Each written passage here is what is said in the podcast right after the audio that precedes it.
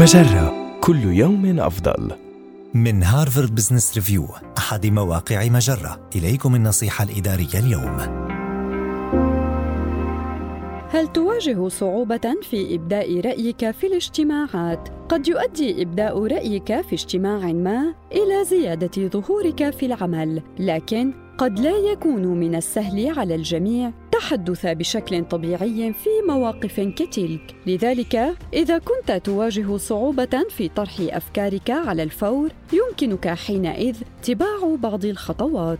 قم بإعداد بعض التعليقات أو الأسئلة قبل الاجتماع لتضمن أن يكون لديك ما تقوله.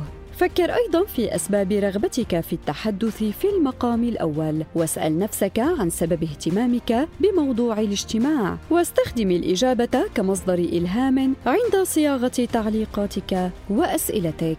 وعندما يحين دورك في الاجتماع تنفس بعمق. فالقيام بذلك قد يؤدي إلى تقوية صوتك وهو ما يساعدك في التحدث بوضوح وثقة. لكن تذكر أن قول شيء لمجرد المشاركة ليس بالفكرة السديدة دائما. فإذا كنت تتحدث لتتباهى بنفسك أو لتقدم تعليقا قد يكون من الأفضل أن تدلي به بشكل فردي مع شخص ما. فالأجدى أن تؤثر الصمت بدلا من ذلك. هذه النصيحة من مقال كيف ترفع صوتك بالكلام في الاجتماعات ومتى عليك التراجع؟